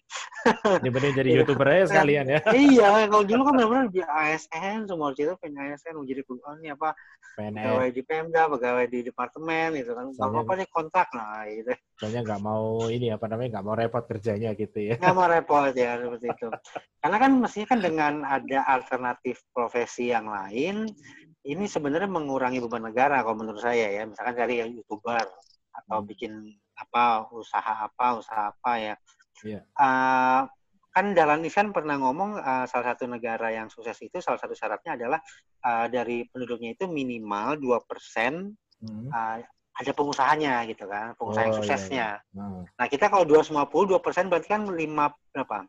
5, 5, eh, 50 juta, apa 5 juta? Iya, 5 juta. 5 juta. Nah, ya, ya 5 juta, ya ada nggak 5 juta pengusaha kita yang sukses? Ya, saya rasa sih belum ya. gitu kan. Ya, pengusaha saya kan masih, yang, yang sep- seputar-putar sering masuk TV aja gitu kan. Iya, iya. Yang lainnya betul. masih level-level UMKM aja gitu. Mhm. Kalau kita punya 5 juta pengusaha yang seperti apa misalkan seperti jarum gitu atau Iya, seperti GoFood gitu ah mungkin nah, itu mengur ah, itu membuat negara lebih kuat karena kan apa akhirnya kan pengangguran berkurang gitu Iya. kan tenaga kerja terserap di situ kan nah tapi kalau semuanya berpikir pegawai ya sudah mau berkoar-koar sampai kapan juga uh, ekonominya ya rentan sekali ya seperti ini iya. gitu kan. Sebetulnya juga kalau kita bicarakan begini banyak yang apa namanya membanggakan gitu ya bisa menjadi hmm. pegawai negeri sipil karena ya. selalu nomor satu yang menjadi alasan itu adalah finansial kan begitu. Ya betul. Dan menjadi pegawai mana BUMN alasannya finansial lagi. Menjadi pegawai mana pegawai bank tetap hmm. kalau selalu stigma yang paling kuat ini adalah stigma terkait dengan pegawai karyawan kan gitu. Ya. Hmm. Nah, hmm. sebetulnya uh, kalau kalau misalkan saya berbicara dalam konteks uh, apa ya, misalkan bicara dalam konteks uh, dari perspektif historical gitu ya. Kalau di dalam ya. ilmu sosial itu kan kita juga bicara tentang historical gitu ya atau ya, perspektif ya. sejarah itu. Kalau dalam istilahnya itu ya. adalah kita mencoba untuk menelusuri dari aspek uh, apa namanya diakronik gitu. Nah itu hmm. ternyata untuk berstatus pegawai karyawan itu menjadi sebuah kebanggaan itu karena sudah ditanamkan ketika di masa-masa koloni gitu kan. Masa-masa ya, itu pada saat itu adalah masa-masa di mana masyarakat uh, mau ngomong juga nggak enak ya, tapi di bumi di bumi manusia itu sudah sudah dibumingkan itu kalau dalam karyanya ya. Pramudiananta itu kan dengan istilah pribumi. Ya. Gitu ya pribumi iya, itu memang uh, ketika masa koloni kan sudah menjadi budak bagi masyarakat bagi koloni. Jadi, ya. nah kalau bisa masuk ke dalam uh, apa namanya semacam kingdom kerajaan dari ya. para hmm. kelompok atau kaum koloni dan mereka bisa ya. menjadi ya. bagian dari kaum bangsawannya si uh, masyarakat Penjajah. Belanda penjajahan uh, Belanda pada hmm. saat itu maka mereka bisa dianggap sebagai status yang tinggi kan punya punya status tinggi. yang tinggi ya, kan, seperti ya. itu hmm. apalagi bisa menjadi bagian dari pegawai sebuah kerajaan itu menjadi status yang tinggi sehingga di situlah kemudian muncul stigma yang nanti menjadi seorang pegawai yang menjadi seorang karyawan itu adalah kebanggaan tapi yang memang yang cukup kuat itu adalah bahwa stigma itu cukup uh, apa namanya melekat gitu ya di dalam kepala kita iya. bahwa menjadi bahwa yang namanya kita kuliah itu adalah mencari kerja dan menjadi pegawai itu itu cukup kuat loh melekat iya. Dan itu sampai sekarang tidak bisa iya. dilepaskan. Stigma seperti betul, itu tidak bisa dilepaskan, betul. gitu kan. Jadi betul. Hmm. kalau kita melihat apakah uh, apa namanya stigma menjadi seorang wirausaha sendiri itu tidak pernah tertanamkah dari masyarakat kita, gitu ya? Kalau ya. boleh saya katakan, kewirausahaan ya. itu mulai bangkit itu justru ketika masa e-commerce sebetulnya. Karena ya. semua orang mulai memberanikan diri untuk uh, berjualan menawarkan produk-produk yang mau dia create sendiri, dia ya. menciptakan sendiri, atau dia hmm. bisa menjadi agen atau reseller bagi ya. uh, perusahaan-perusahaan lain gitu kan. Perusahaan lain. Ya. Nah, di situ. Nah ini ini yang kalau menurut saya juga artinya bahwa betul tadi dikatakan oleh Mas Niko bahwa stigma itu cukup kuat gitu dan kalau kita kaitkan ya. dengan aspek diakronik gitu ya ini kalau memadukan ini kajian akuntansi dengan ilmu sosial ini kan diakronik kita bicara historical ya. gitu ya itu ya. cukup cukup hmm. kental juga ya, di situ ya iya betul iya hmm. nah hmm. mas ini kan saya ya. punya data nih ya saya punya data hmm. mudah-mudahan uh, mas Handiko bisa menjelaskan nah, mudah-mudahan kelihatan ya mas ya iya iya hmm. ya kelihatan ya mas ya kata data ya. ini ya. Oke. Okay. Hmm. Ini uh, data ini saya dapat dari data box ya. Kata data itu pada 2020 defisit APBN itu kembali ya. diproyeksi ya. melebar dari 5,07 persen menjadi 6,3 persen. Dan Kepala Badan ya. Kebijakan Fiskal Kementerian Keuangan Febri Kacaribu menjelaskan bahwa upaya penurunan defisit APBN itu dilakukan secara bertahap. Karena apabila pada 2021 defisit APBN itu langsung turun 3 persen dan ini sudah diprediksi ketika tahun 2023 ini kan menjadi minus 2,7 atau 2,7 persen gitu kan. Dan itu dikatakan sebagai imbas dari COVID-19.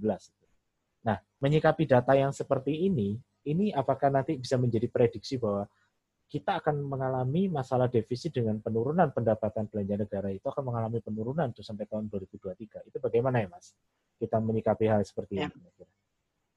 Ya, uh, ini kan begini ya, ya. apa namanya? Um, ini kan sebenarnya salah satunya karena uh, apa, ekonomi yang melemah ya, yang iya. makanya uh, terkoreksi terus ya uh, hmm. APBN-nya jadi itu kan ya. ya.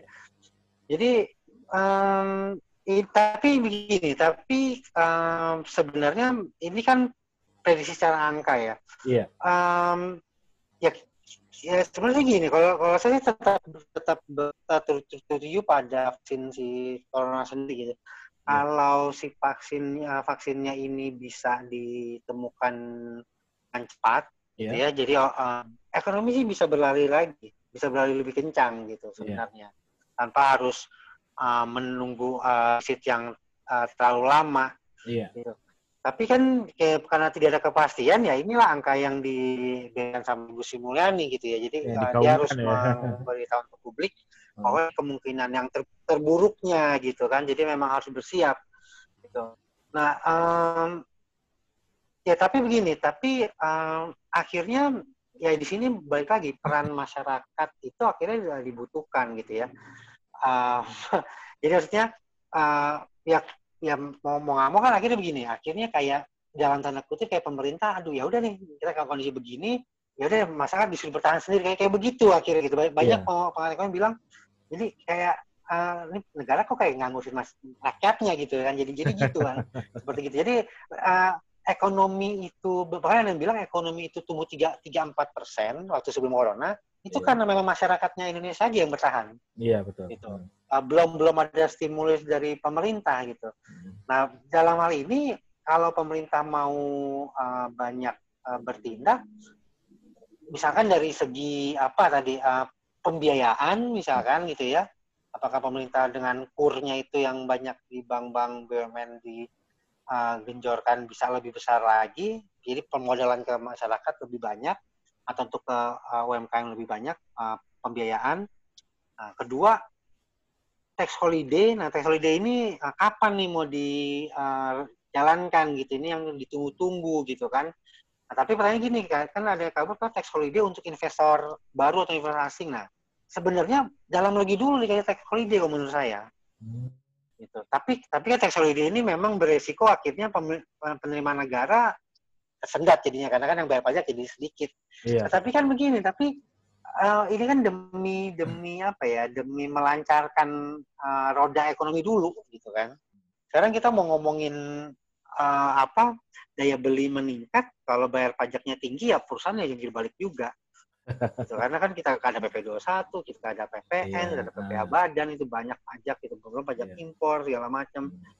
Nah ini uh, ya mesti sih yang uh, untuk UMKM terutama ya tax holiday harus digencarkan sih. Memang pemerintah cukup bagus kemarin waktu itu mengeluarkan insentif uh, perpajakan waktu di corona itu. Jadi uh, untuk UMKM dapat insentif gitu.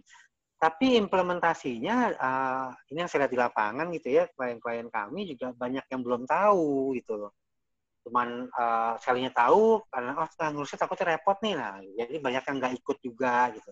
Yeah jadi uh, edukasinya masih kurang untuk dari uh, sosialisasinya masih kurang menurut saya dari hmm. pemerintah. Uh, ya bukannya membela Pak Jokowi, tapi sebenarnya Presiden kita Pak Jokowi waktu awal di pemerintahannya cukup bagus gitu ya, dia memper mempersingkat cara pelaporan dan pembayaran pajak. Gitu. Yang tadi kan rubit tuh, pembayaran pajak tuh mesti beli formnya dulu atau ngambil formnya dulu gitu kan. Sekarang kan cukup ke bank, kasih kode e-billing selesai. Nah ini inovasi-inovasi seperti ini harus terus digaungkan nih di uh, terutama di kepajakan gitu ya. Uh, atau di bidang ekonomi yang lain lah. Jadi uh, apa namanya birokrasi terus terus dipangkas gitu. Ini kan salah satu kelemahan kita juga gitu ya. Jadi apa jadi orang jadi antipati gitu loh sama yang berbau biro, birokrasi gitu kan. Ah, terlalu ribet. Akhirnya yeah. pengaruh ke ekonomi gitu. Yeah, kayak gini kayak ambil contoh seperti ini uh, kan ada tiga uh, ada sekitar tiga puluhan perusahaan uh, pabrik yang hengkang dari China. Iya. Yeah. Nah, tidak ada satupun pabrik itu buka di Indonesia. Hmm. Bukannya di Kamboja, di Thailand, di Malaysia, di Vietnam. Kenapa? Karena mereka melihat Indonesia masih ribet birokrasinya. Itu yang pertama. Yang kedua, Indonesia dinilai tidak tidak siap menerima mereka gitu loh. Padahal kita kan lahan kita banyak, tenaga kerja kita ya ada yang murah ada yang mahal lah gitu ya. Tapi yang murah juga masih ada gitu. Ini kan sayang sebenarnya kan. Hal, hal kayak itu tidak ditangkap pemerintah gitu. Makanya Jokowi kesal sekali gitu. Nah tapi kayaknya Jokowi juga tidak bisa membuat apa-apa juga gitu ya. Yeah. Iya. uh, melihat anak buahnya yang ya mungkin gak semangat dia gitu. Jadi jadi sulit ya sulit sulit sekali gitu. Nah, akhirnya dengan pulang-pulang itu yang terlewati terus ya begitu kita kena corona seperti ini ya APBN kita yang beradol jadinya kan. Uh, maksudnya uh, apa namanya terus defisit jadinya kan Iya, betul. ekonomi kita makin kurang kuat gitu mau nggak mau ya mau mau uh, mau tidak mau saat ini Indonesia butuh investor asing yang banyak gitu yang mau buka pabrik di sini Hmm. gitu ya ya kita lihat China kan begitu kuat ekonominya kenapa karena kan hampir tadinya kan hampir semua pabrik buka di sana kan seperti Apple seperti apa perusahaan-perusahaan lain uh, bahkan Iya. Tesla pun buka di sana sempat gitu kan nah ini kan yang Indonesia tuh uh, kurang gitu loh kurang mengundang gitu investor Iya. uh, presidennya udah ngomong begini begitu tapi kalau di bawahnya masih pakai cara-cara lama ya nggak nggak mau masuk juga gitu apalagi uh, upah kita itu upah buruh kita kan sekarang termasuk uh, lumayan tinggi tidak seperti Iya. dulu orang bilang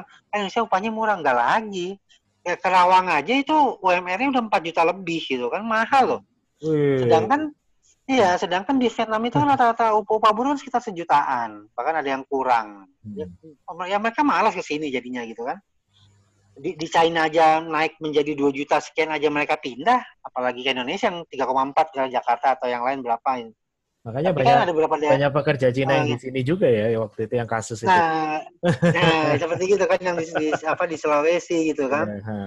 Ah, nah ini, ini itu itu juga serba, serba salah gitu ya pemerintah serba salah.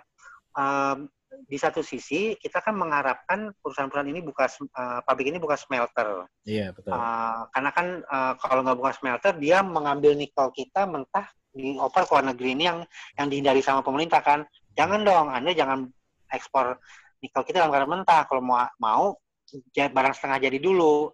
Nah, cuma kan banyak yang keberatan karena harus bikin smelter di sini mahal triliunan. Nah, tapi kan kalau perusahaan besar mampu. Nah, ini kan ada du- dua perusahaan yang mampu nih dari perusahaan dari China mau bikin smelter.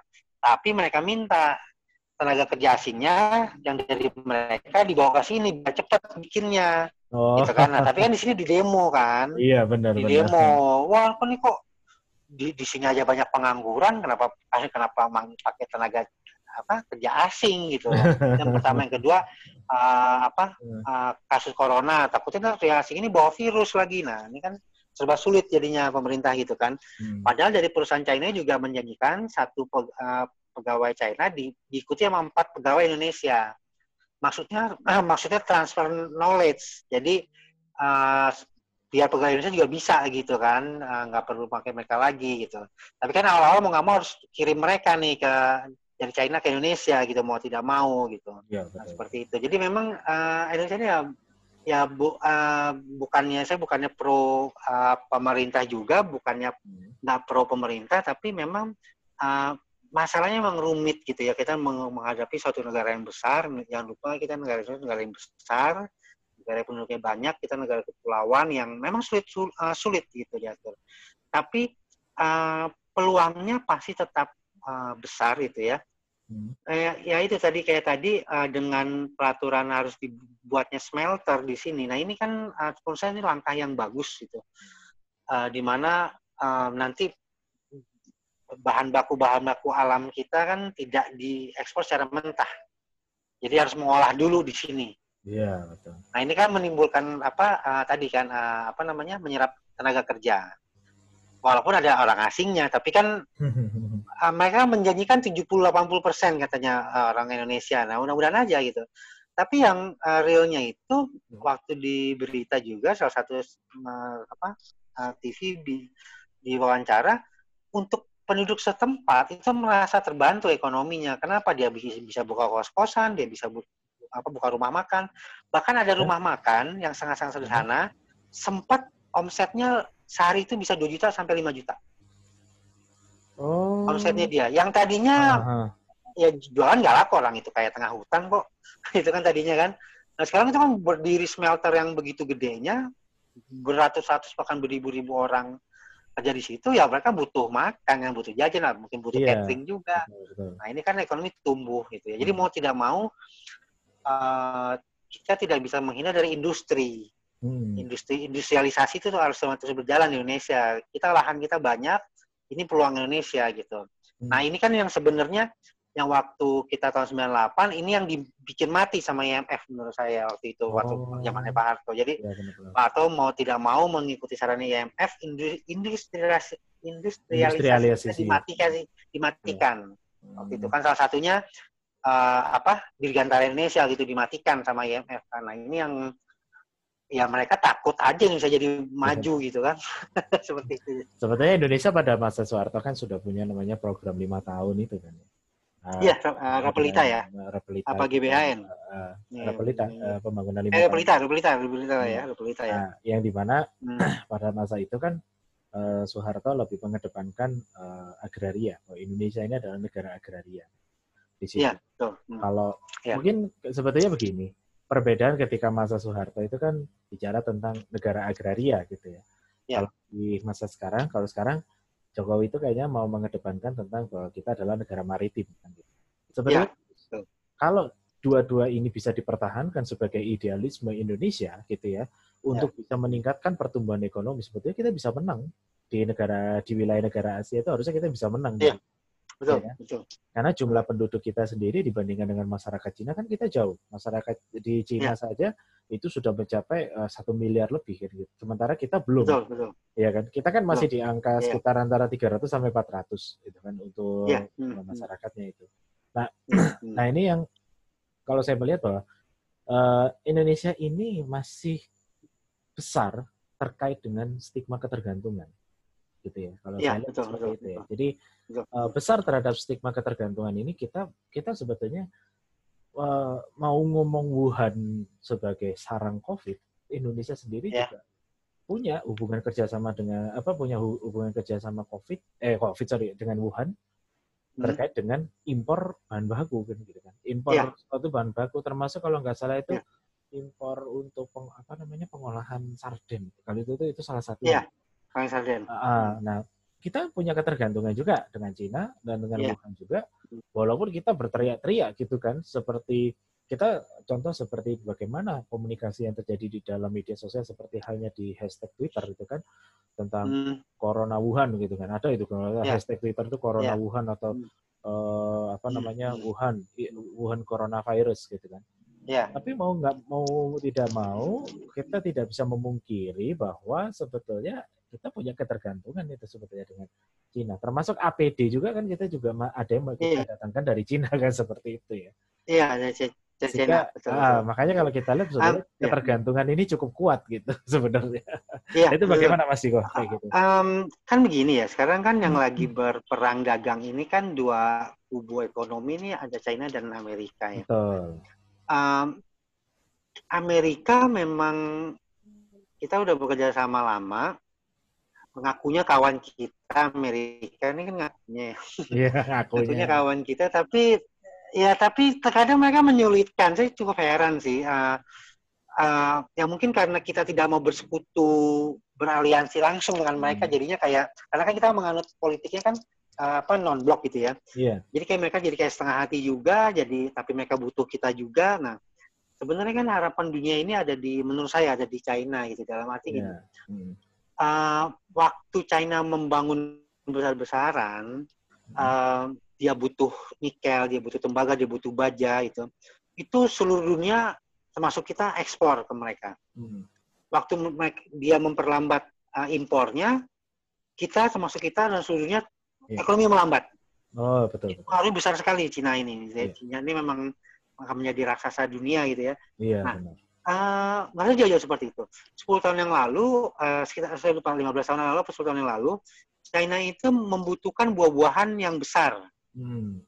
Nah, itu ditangkap sama negara-negara ASEAN lainnya, kayak Malaysia, Thailand, Filipina, termasuk Vietnam. Tapi kita tidak. Ini emang lucu. Kita Indonesia ini sebenarnya ya apa ya? Agak-agak sih sombong tapi nggak kaya juga gitu. ya gimana? kalau sombong kaya sih nggak apa-apa gitu. Tapi kalau sombong nggak kaya kan yang mau apa yang mau diharapkan gitu kan? Um, uh, ya terutama, terutama uh, apa pas zaman Orde Baru ini kan kita memang tidak ada hubungan hmm. diplomatik dengan China yeah, gitu kan? Yeah, Karena okay. kita berseberangan dengan komunis gitu kan. Bahkan sampai hmm. sekarang isu komunis terus digaungkan gitu. Hmm. Um, memang ada, ada satu pernyataan dari Menteri Luhut yang kita tidak bisa lepas dari China itu uh, saya sedikit setuju sebenarnya. Dalam arti begini, dalam arti um, kita tidak uh, pro ke mana-mana, tapi kita tidak bekerja sama dengan China itu menurut saya salah juga. uh, apa namanya uh, China ini kan sebenarnya pasar yang besar. Uh, salah satu alasannya Apple buka di sana selain waktu waktu itu ya tenaga kerjanya murah di China, dia melihat pasar China yang besar, gitu kan, satu tiga koma miliar, gitu kan. Ya walaupun nggak beli semuanya, tapi kan satu miliar kita ambil 10 persen aja yang beli atau 20 persen aja kan besar sekali, gitu kan. Nah, yeah. ya kalau kalau kita tidak memanfaatkan itu, ya kita mau jualan ke mana? Iya. Yeah. Kan? Ya akhirnya begitu jadinya kan. Iya benar. Sekarang ekonomi Amerika sendiri juga uh, kurang bagus gitu ya. Hmm. Amerika juga terlilit terlilit utang yang sangat banyak juga. Iya. Uh, apa apalagi dengan isu perangnya dia yang masih terus menerus ya di Timur hmm. Tengah yang nggak selesai itu kan dia biaya besar sekali tuh. Iya. Nah uh, apa namanya uh, yang kita mau jual ke mana lagi gitu kan? Ya negara besar dunia kan cuma ada empat itu kan uh, apa China, Amerika, India dan Indonesia yeah. penduduknya banyak. nah kalau um, kita tidak bisa memaksimalkan empat negara ini gitu, uh, ya Indonesia tuh kayak apa ya maju mundur aja jadinya gitu kan nggak berkembangan kayak, kayak ini ya. kayak, sari ini kayak sari ini jadi. Kayak contoh uh, apa uh, pariwisata. Yeah. pariwisata kan makanya kenapa Pak Jokowi juga selalu gergetan gitu. Ini Polres masih bisa maju nih. Hmm. ya tapi kan memang akhirnya terkenal sama infrastruktur. Ya untungnya sekarang infrastruktur di, di, di, diperbaiki gitu ya. Kita kan dari dulu selalu berharap sama Bali. Iya kan? betul, betul. Padahal kan masih banyak Bali yang lain iya ya. kayak Danau Toba ini makanya sekarang lagi dibangun atol uh, menuju ke Danau Toba jadi biar lebih lebih cepat gitu ya hmm. lebih mudah hmm. bahkan ada yang mau dibikin dek apalah bandaranya apa gimana apa pelabuhannya saya lupa nah ya itu itu kan mendatangkan devisa nih nah ini ini gini lah Indonesia Indonesia butuh duit yeah. jadi maksimalkan yang ada gitu kan mm -hmm. uh, jangan jangan langsung berpikir yang apa ya yang yang tidak ada gitu ya apa kita mau bangun industri apa lah yang ada dulu aja gitu yang ada dulu kayak, aja dikembangin uh, iya betul kayak Dubai ya Dubai itu kan hmm. saya baca sejarahnya uh, memang dia ada uh, produksi minyak tapi katanya Dubai itu salah satu negara dari uh, Arab yang polusi minyaknya paling kecil. Hmm. Nah, akhirnya pangerannya itu kan berpikir nih gimana nih Dubai biar uh, bisa dapat devisa lain. Ya kalau Arab enak ada Mekah sama Madinah gitu yang memang yeah. pergi aja mau umroh setiap tahun. Iya. Yeah. Nah, Dubai bagaimana? Akhirnya dibikin lah, disulap lah dengan duit yang ada, kotanya jadi seperti itu. Untuk apa? Untuk turis. betul betul. Itu kan ya seperti atau seperti Singapura kita lihat kan ini tetangga dekat kita nih Singapura nih. Iya. Negara kecil nggak ada apa-apanya, tapi kok paling kaya? di ASEAN itu ini gimana? Wong pasirnya ya kan, aja ngambil dari iya. Batam katanya. nah makanya kan itu kan dia kan mengandalkan mengandalkan orang kerja di sana, kuliah di sana, berwisata di sana gitu kan. Nah ini yang yang Indonesia ini kayak gini-gini kenapa kita banyak uh, daerah yang bagus itu uh, pasti itu pasti bertambah karena gini kan uh, kita bayangkan aja deh, kita bayangkan ya, um, Bali itu kan nomor satu di Indonesia dan di dunia sudah terkenal sekali. Uh, akhirnya dengan pariwisata yang maju, orang bisa jualan.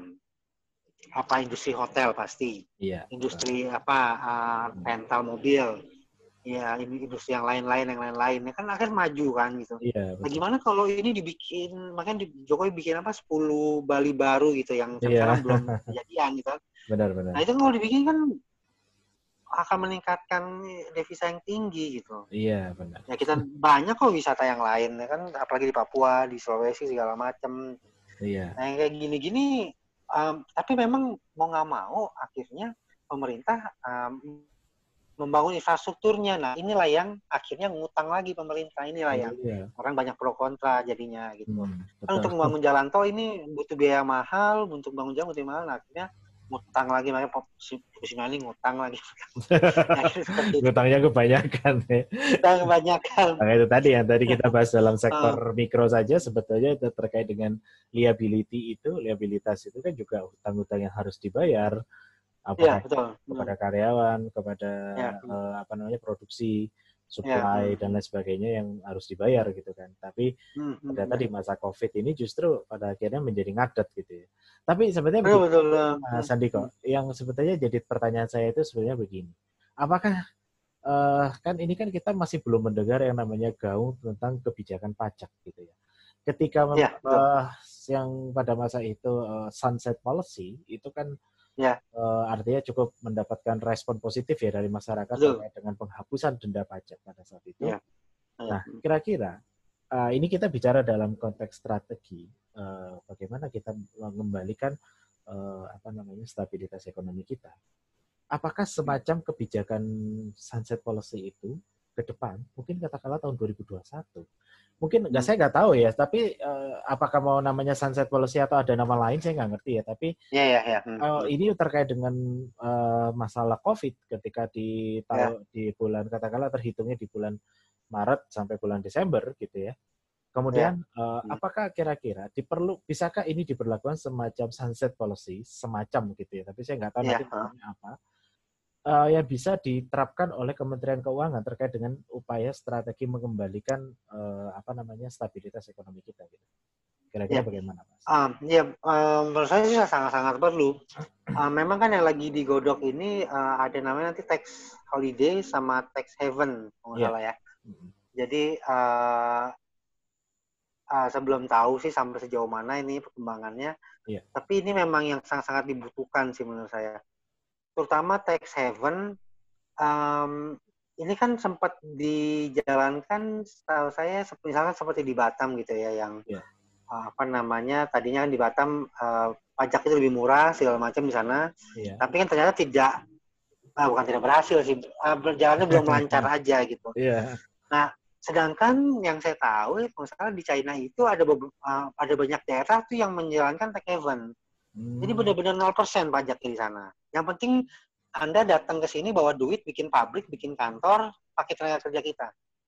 Hmm. Nah, ini berani nggak seperti itu Indonesia? Kalau berani itu kan, eh, kita kan kita kan negara kepulauan nih. Iya, Pulauannya masih banyak yang kosong, gitu iya. kan? Masih banyak daerah yang lahannya banyak. Iya. Nah, menurut saya, um, yang ini kan perlu langkah berani untuk membuat seperti itu, iya. gitu. Hmm, hmm.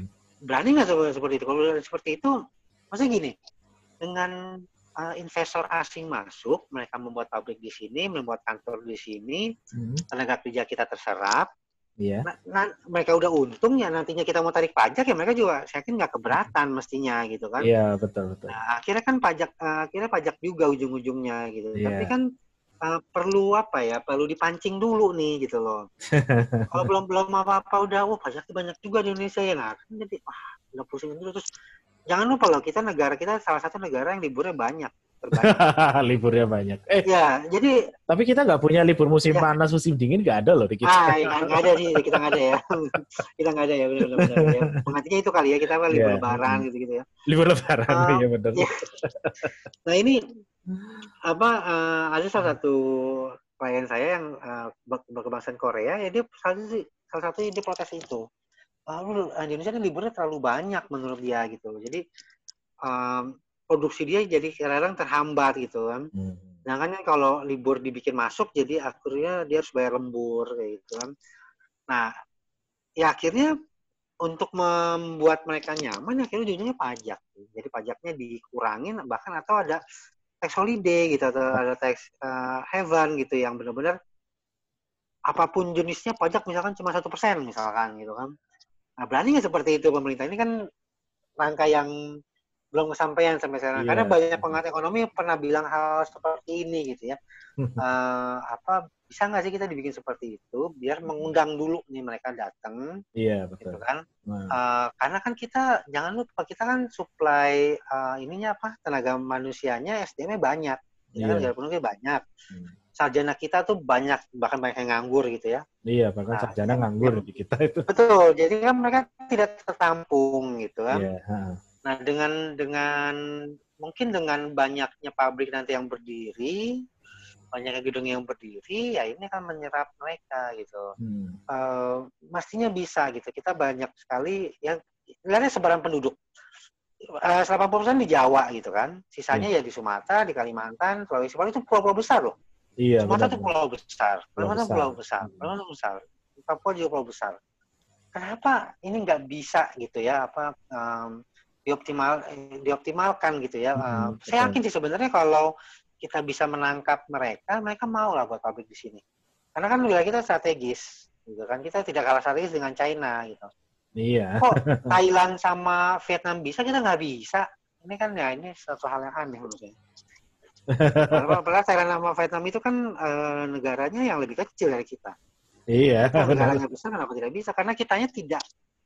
Uh, ada juga gini, uh, mantan Menteri Perekonomian uh, Jokowi yang pertama, hmm. uh, Pak Darmin Nasution bilang, salah satu penyebabnya 33 pabrik itu tidak masuk ke Indonesia, karena waktu diminta ininya, proposalnya, kita lamban bikinnya katanya. Itu kan konyol banget.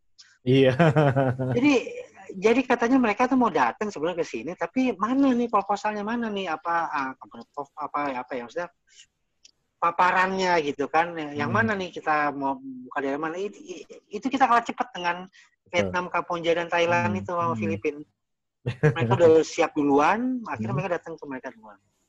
Hmm. Nah, ini kayak seperti gini kan jadinya ini sebenarnya kalau dibilang yang salah siapa sih? Nah, saya, saya curiga begini, soalnya iya, iya. Uh, apa di berita tuh ada juga um, Menteri Dalam Negeri bilang katanya 70% ASN itu hmm. eh apa skillnya admin. Iya memang. Nah, ya, setuju lah, setuju saya kalau itu. eh? betul betul setuju, bukan apa bukan. yang kita harapkan ASN skillnya admin ya, ya ini gimana? bener itu bener-bener. Jadi memang itu problem ya. Bahkan uh, saya pernah berbincang dengan teman uh, teman dari kuliah gitu ya, yang kebetulan jadi ASN juga ya dulu PNS kan. Hmm. Itu dia bilang sendiri gitu kegiatan. Terus uh, dulu kegiatannya ngapain gitu kan? Dulu masih mending hmm. dia masih punya aktivitas uh, apa namanya di di pemerintahan tuh dia masih di humas ya.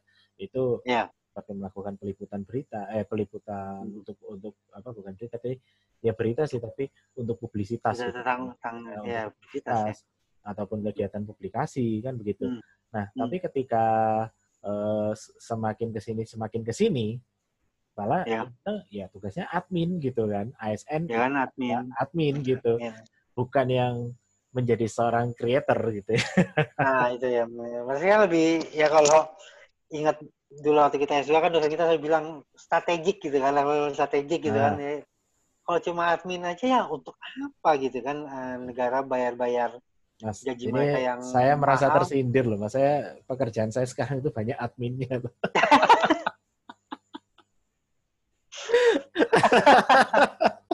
Aduh, tersindir lah diri saya. ya, tapi ada gini, tapi kan dekan itu kan nanti kan bakal keputusan gitu kan. Loh iya. Ya, adminnya ya keputusan kan, nih atas Keputusan kan nggak tiap hari, Mas. tiap harinya kan admin itu. Iya, iya gitu. Reporting itu kan juga nanti menjadi yeah. admin juga ujung-ujungnya. Iya, iya. Ya memang ya nggak mau sih ya. ya, ya, tapi benar mas maksudnya gini, maksudnya uh, kenapa mahasiswa saya setiap saya tanya maunya jadi uh, eh, ASN, ya karena kan dia berpikir eh, kerjanya kan enak nih admin tapi digaji gede. Iya. Nah, gitu jadi akhirnya kan.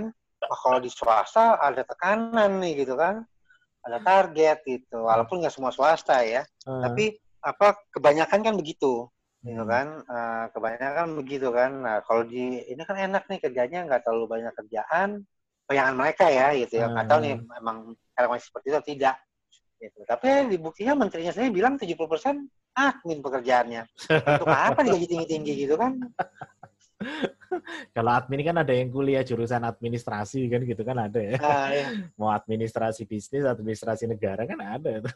Ah, iya. nah, mas, kan kita uh, sudah satu jam nih. Nah, kira-kira nih untuk ya. hmm. ini ya.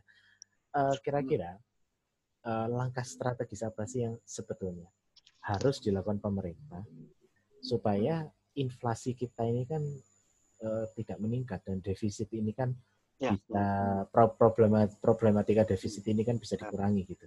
Kira-kira hmm. sebagai seorang uh, apa namanya uh, accountant atau sebagai konsultan, kira-kira apa sih uh, kira-kira ya langkah strategis apa yang perlu dilakukan oleh pemerintah sebagai rekomendasi atau kontribusi saran gitu kira-kira dari Mas Andiko?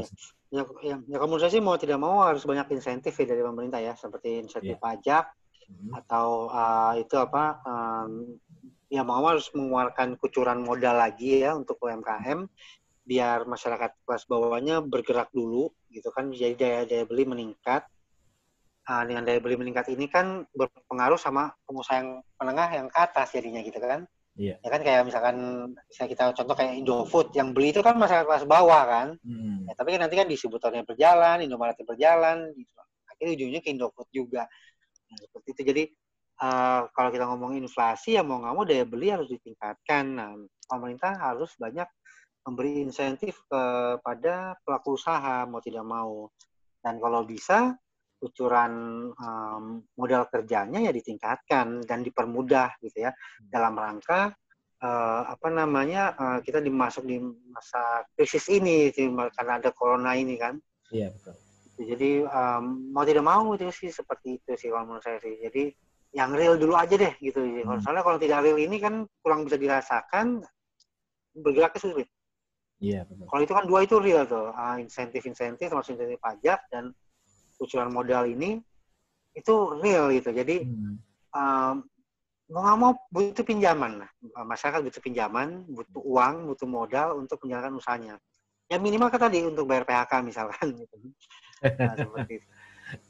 Oke, Oke Mas, terima kasih banyak untuk kehadirannya pada malam ya, minggu ini ya. Waduh, ya, saya saya mengganggu mengganggu malam minggunya ini ya sama istri. malam minggu. Iya.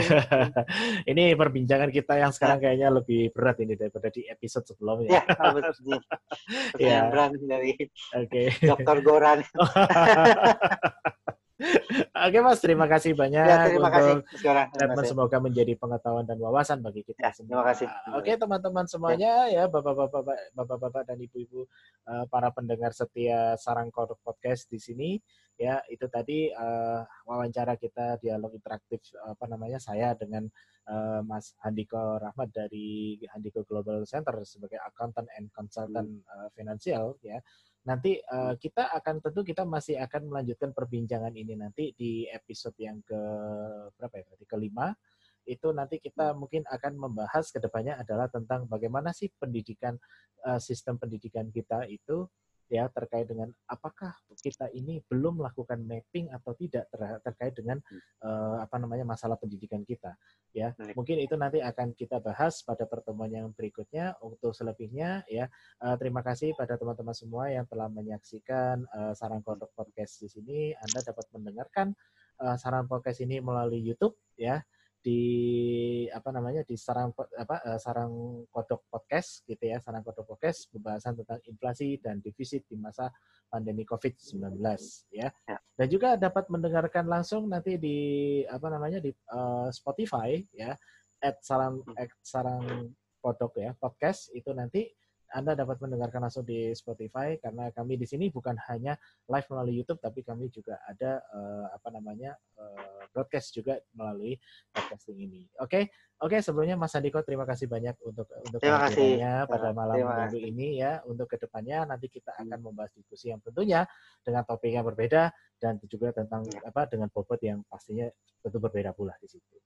Oke, okay, uh, teman-teman semuanya, bapak-bapak, ibu-ibu sekalian, para audiens uh, Sarang Kodok Podcast, ya saya ucapkan terima kasih atas partisipasinya. Selamat malam. Assalamualaikum warahmatullahi wabarakatuh. Waalaikumsalam warahmatullahi wabarakatuh.